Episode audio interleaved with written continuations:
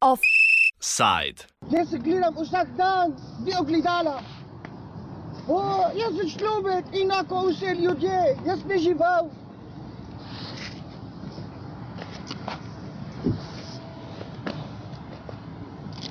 Zdaj žival bolan vidi sto zdravnik. Ahmad tukaj bolan, minus azil. Zakaj? Ne jaz delam vojna v Sirijo.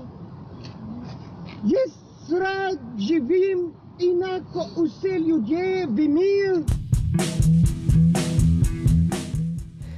Pravkar slišano so besede Ahmada Šamija z jutranjega protesta, na katerem je ob pol petih zjutraj pred azilnim domom Vič okoli 50 protestnikov nasprotovalo njegovi deportaciji. Če tudi so pred dnevi k zaustavitvi deportacije že pozivale koalicijske stranke in kljub temu, da je premije Miro Cerar včeraj zatrdil, da je dobil zagotovila o ustavitvi postopka deportacije, še zjutraj ni bilo uradnega preklica strani ministrstva. Na protestih so poslanca Miha Kordiš iz Združene levice in Jan Škobrne iz SD ter Šamijev zakoniti zastopnik Miha Blažič vstopili v azilni dom, kjer so uradniki Šamija seznanili z možnostjo prostovoljne izselitve in možnostjo pridržanja v centru za tujce.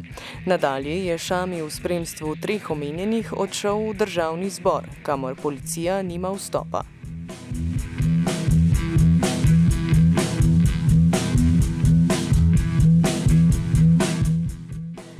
Šami je v postopku pridobivanja mednarodne zaščite že 20 mesecev. Prvič pa je bil registriran na Hrvaškem. Ministrstvo za notranje zadeve in vlada sta se tako sklicevala na Dublinsko uredbo, po kateri mora prošnjo za mednarodno zaščito obravnavati prva država, v katero je migrant registrirano vstopil. Po dublinski uredbi bi bila lahko uporabljena tudi diskrecijska klauzula, ki omogoča, da bi o prošnji za mednarodno zaščito kogarkoli, ki za azil zaprosi v Sloveniji, odločale slovenske oblasti, ne glede na siceršna določila uredbe. Danes pa je premijer Miro Cerar izjavil, da Šami ne bo deportiran, saj da bo dobil začasno dovoljenje v skladu z 51. členom zakona o tujcih. Če bo vlada postopala po tej pravni poti, bi Šami dobil dovoljenje za začasno prebivanje le za obdobje enega leta.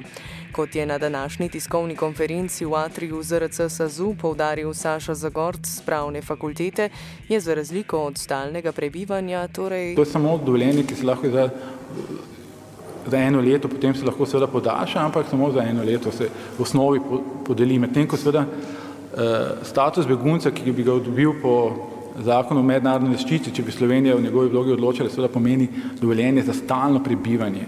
Pomeni, da je v osnovi izenačen s tistimi, ki tukaj živijo vsaj pet let in so recimo delavci iz tujine, ki so tukaj bivali pet let in dobili dovoljenje za stalno prebivanje. Dovoljenje za stalno prebivanje v Sloveniji pomeni pravzaprav bolj kot ne izenačitev z državljani, razen glede tistih tipičnih državljanskih pravic, kot je volilna pravica. Torej, čutite razliko med dovoljenjem za začasno prebivanje, ki vam omogoča zelo začasno bivanje, točno z določenim namenom. Eh, in še ena stvar je pomembna, ne, da na dovoljenje za začasno prebivanje je sicer možno, eh, preko dovoljenja za začasno prebivanje je možno, da seveda pride tudi do združitve z družino eh, osebe, ki ima to dovoljenje. Ampak je pogoj, da že seveda oseba vsaj eno leto biva v Sloveniji, kar je pa na podlagi tega dovoljenja. Torej, ni možno avtomatično takoj doseči eh, združitve z družino. Torej eno leto treba počakati, kar je seveda eh, velik handicap v situaciji, ko ima nekdo že izoblikovano družino, družinsko življenje, ki je bilo pretrgano zaradi grozot v Siriji. Problematične točke 51. člena zakona o tujcih konkretneje pojasni Zana Fabian Blažič z ambasade Rok ki predvideva podelitev začasnega prebivališča um, osebi, ki na nek način dolo, um, koristi Sloveniji. Torej, ta oseba mora izkazati pač um, določene kvalitete, določene stvari, s katerimi koristi Sloveniji, da ga ona sprejme oziroma mu podeli začasno prebivališče. To začasno prebivališče se načeloma dodeljuje za rok enega leta in um, status tujca, ki je podeljen na ta način, je vsekakor drugačen kot status begunca, se osebi ponuja veliko manj pravic. Ena je recimo taka bistvena razlika, um, da oseba ne dobi um, nadomestila za prebivališče. Je sicer upravičena do te osnovne finančne podpore, socialne podpore, ni pa upravičena do uh, denarja za prebivališče oziroma za najmnino, kar uh, ljudje s statusom begunca imajo. Potem druga stvar je, da je veliko teže pridobiti združitev z družino. Uh, nekdo, ki ima status begunca, um, če pač mu odobrijo združitev z družino, je to nekako veliko lažje. Oseba ne rab dokazovati zadostnih finančnih sredstev, družina tudi dobi pomoč finančno, tako za stanovanje, kot tudi socialno podporo. Nekdo, ki pa ima status tujca, pa um, v bistvu po teh nekih klasičnih predpisih lahko zahteva združitev z družino. Um, kar pomeni, da mora dokazovati, da ima sam dovolj financ, za družino, da jo pripelje in jo tukaj preživlja, kar pa je v primeru Ahmeda Šamija dosti težko, ker ima petčlansko družino in temu primerno bi mogla biti tudi njegova plača, da zadosti tem kriterijem. Um, in tudi dejansko pač vemo že, da begunci, ki pripeljejo družino, kljub temu, da dobijo socialno podporo za vse družinske člane in oziroma pač za um, soprogo, soproga in, otro, pač in potem otroške dodatke, kot tudi denar za namestitev, um, zelo težko shajajo. Um, kar pomeni, da v šamivem primeru bi bilo to potem vsaj pol manj denarja.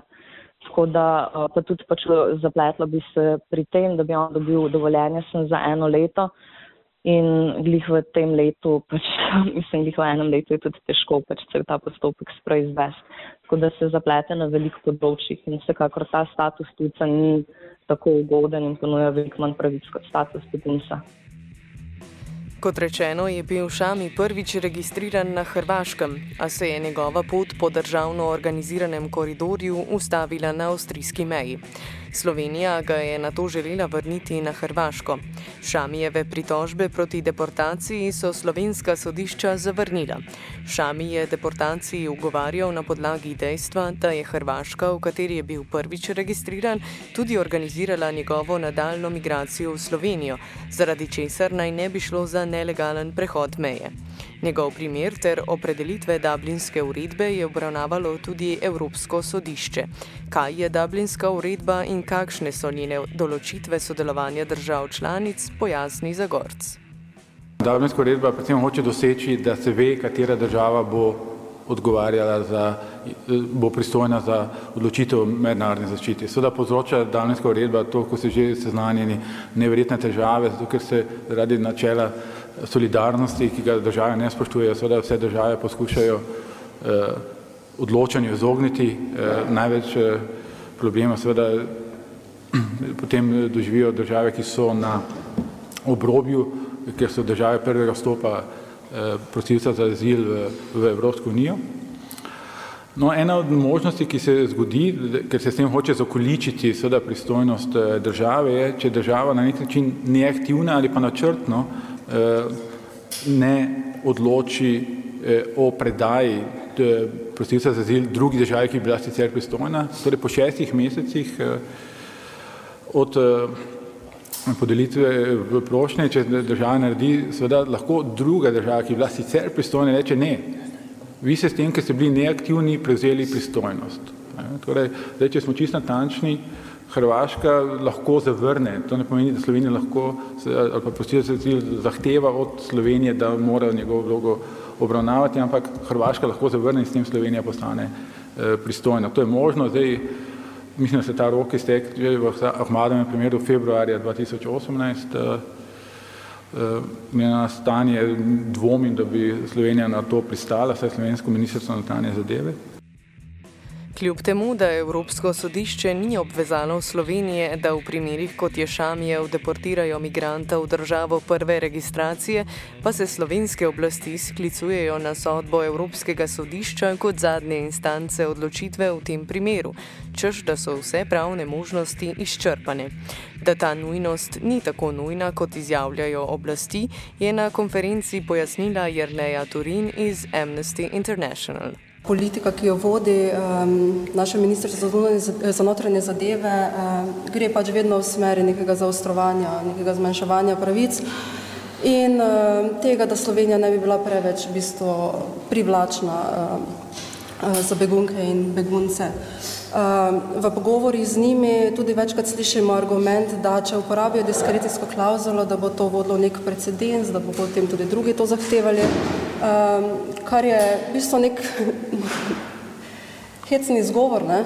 Mislim, če imaš diskrecijsko klauzulo, to pomeni, da je to pravica države, da se odloči tako ali drugače. Ne? Torej, tudi če se 90 odstotkih odloči, da da, mož, da, da prevzame to odgovornost, še vedno to ni neka pravica potem prosilca. Ne? Uh, tako da po mojem uh, je to argument, ki in, in potrdilo je tudi sodišče Evropske unije, ne? da to je pravica države pravico v tem primeru, da ga uh, preda uh, Ahmada Hrvaške, ampak obenem pa tudi pravica, da obravnava prošnjo, uh, prošnjo tudi sama. Ne? Uh, bi pa tu samo še upozorila, um, da je precej jasno, da dublinski sistem sam, ki v bistvu določa, katera država naj bi bila odgovorna za obravnavanje prošnje, je močno nepravičen ne? in uh, je povzročil veliko trpljenja beguncem in eden izmed njih je tukaj zdaj pred nami, ob tem je pa totalno tudi uh, povsem disfunkcionalen. Ne? In v tem trenutku je pod revizijo. Ne? Samo mesec nazaj je v bistvu Evropski parlament predlagal izboljšave. Um, dublinske uredbe, ne, da, tega sistema, recimo ene en izmed tega, da predlagajo um, brisanje kriterija prve države vstopa in nek avtomatski mehanizem relokacije, torej da ne bi večino begu, za večino beguncev skrbele samo države na mejah. Ne. Uh, predlagajo pa tudi recimo raz, razširitev te diskrecijske klauzule, da bi prosilec lahko zaprosil za uporabo te zaradi posebnih vezi z določeno državo, ki bi prispevali neki integraciji. Ne. Torej, v istem času, ko v bistvu eden izmed zakonodajalcev tega sistema razmišlja, da je to treba popraviti in spremeniti, uh, imamo mi tukaj en primer, ker se v bistvu uh, država kaže, kaj lahko naredi. Ne. Kot je povdaril Miha Blažič, toliko pa primera ne gre opredeliti le kot pravnega, saj da je. Da je v tem primeru nujno treba govoriti tudi o političnem vidiku. Ne, se pravi, um, dobro za sabo imamo uh, eno neprespano noč, eno zelo stresno jutro, um, eno dopoldne skrivalnic v parlamentu, uh, predtem pa velik mesecev enih stresnih in brezplodnih pogajanj in še predtem eno leto čakanja na to, uh, kaj bojo prinesli postopki in v bistvu Ahmadova usoda je bila nekako vse čas um, zaznamovana z uh, konfliktnimi političnimi interesi. Se pravi, ko se je njegova, uh, uh, ko se je vprašanje, ali je on vstopil legalno v uh, Slovenijo, ko ga je dobesedno slovenska policija pospremila čez mejo, uh, odločilo Evropsko sodišče, je bilo mnenje vseh vidnejših pravnikov in, in tudi evropske pravobranilke, da je ta prehod bil legalen in da je država, v kateri je zaprosil za azil, odgovorna. Seveda pa bi to pomenilo velik udarc za dublinski mehanizem, kakršen danes je in, in enostavno ni bilo politične volje, uh, kljub vsem pričakovanjem, da, da bi se obravnavala njegova prošnja v Sloveniji. Skratka, uh, po spletu političnih naključij je bil ravno Ahmed tisti, ki pa uh, nekako si je bilo treba dokazati trdnost tega dublinskega mehanizma z njegovo vrnitvijo na, Hr na Hrvaško. Mislim, da tudi v tem se ne nekako pozna um, ta velika želja po, uh, po tem, da ministrstvo to uh,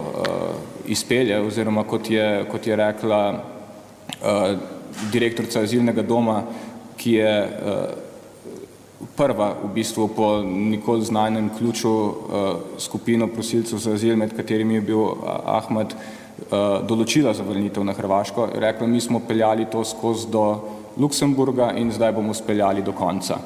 Se pravi, v bistvu de, nekako gre definitivno za, za politično potezo. Um, političnim potezam smo bili priča tudi v nadaljnih pogajanjih z ministrstvom, uh, predvsem pa v tej zadnji fazi. Um, in uh, tukaj je prišlo do iz, zgodba je postala politična pa zaradi uh, ene stvari, na katere se pogosto pozabi v politiki in to so ljudje.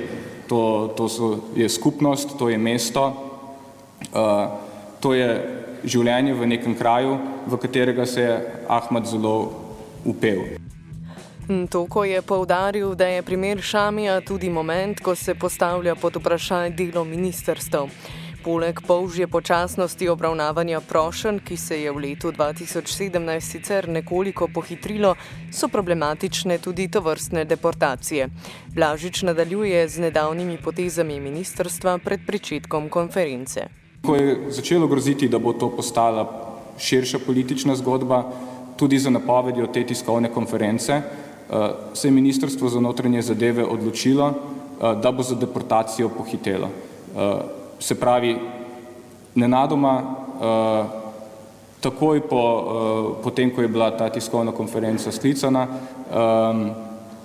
se je dogovorilo s Hrvaško in dobil je rok za vrnitev dobesedno par ur pred to tiskovno konferenco. In lahko sklepamo, da zaradi tega, da to ne bo prišlo v javnost, da ne bojo novinari o tem pisali, uh, če zdaj hitro spokamo na Hrvaško, če se tako izrazim, potem bo problem, tudi ta političen problem izginil.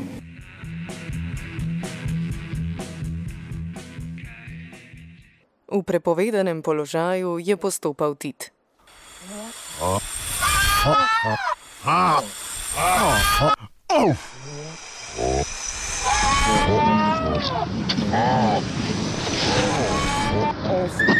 Side.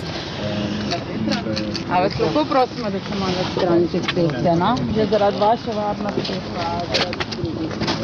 Ali ne to pojem, ali ne pojem to? Ja, fak, oboje bom, ne?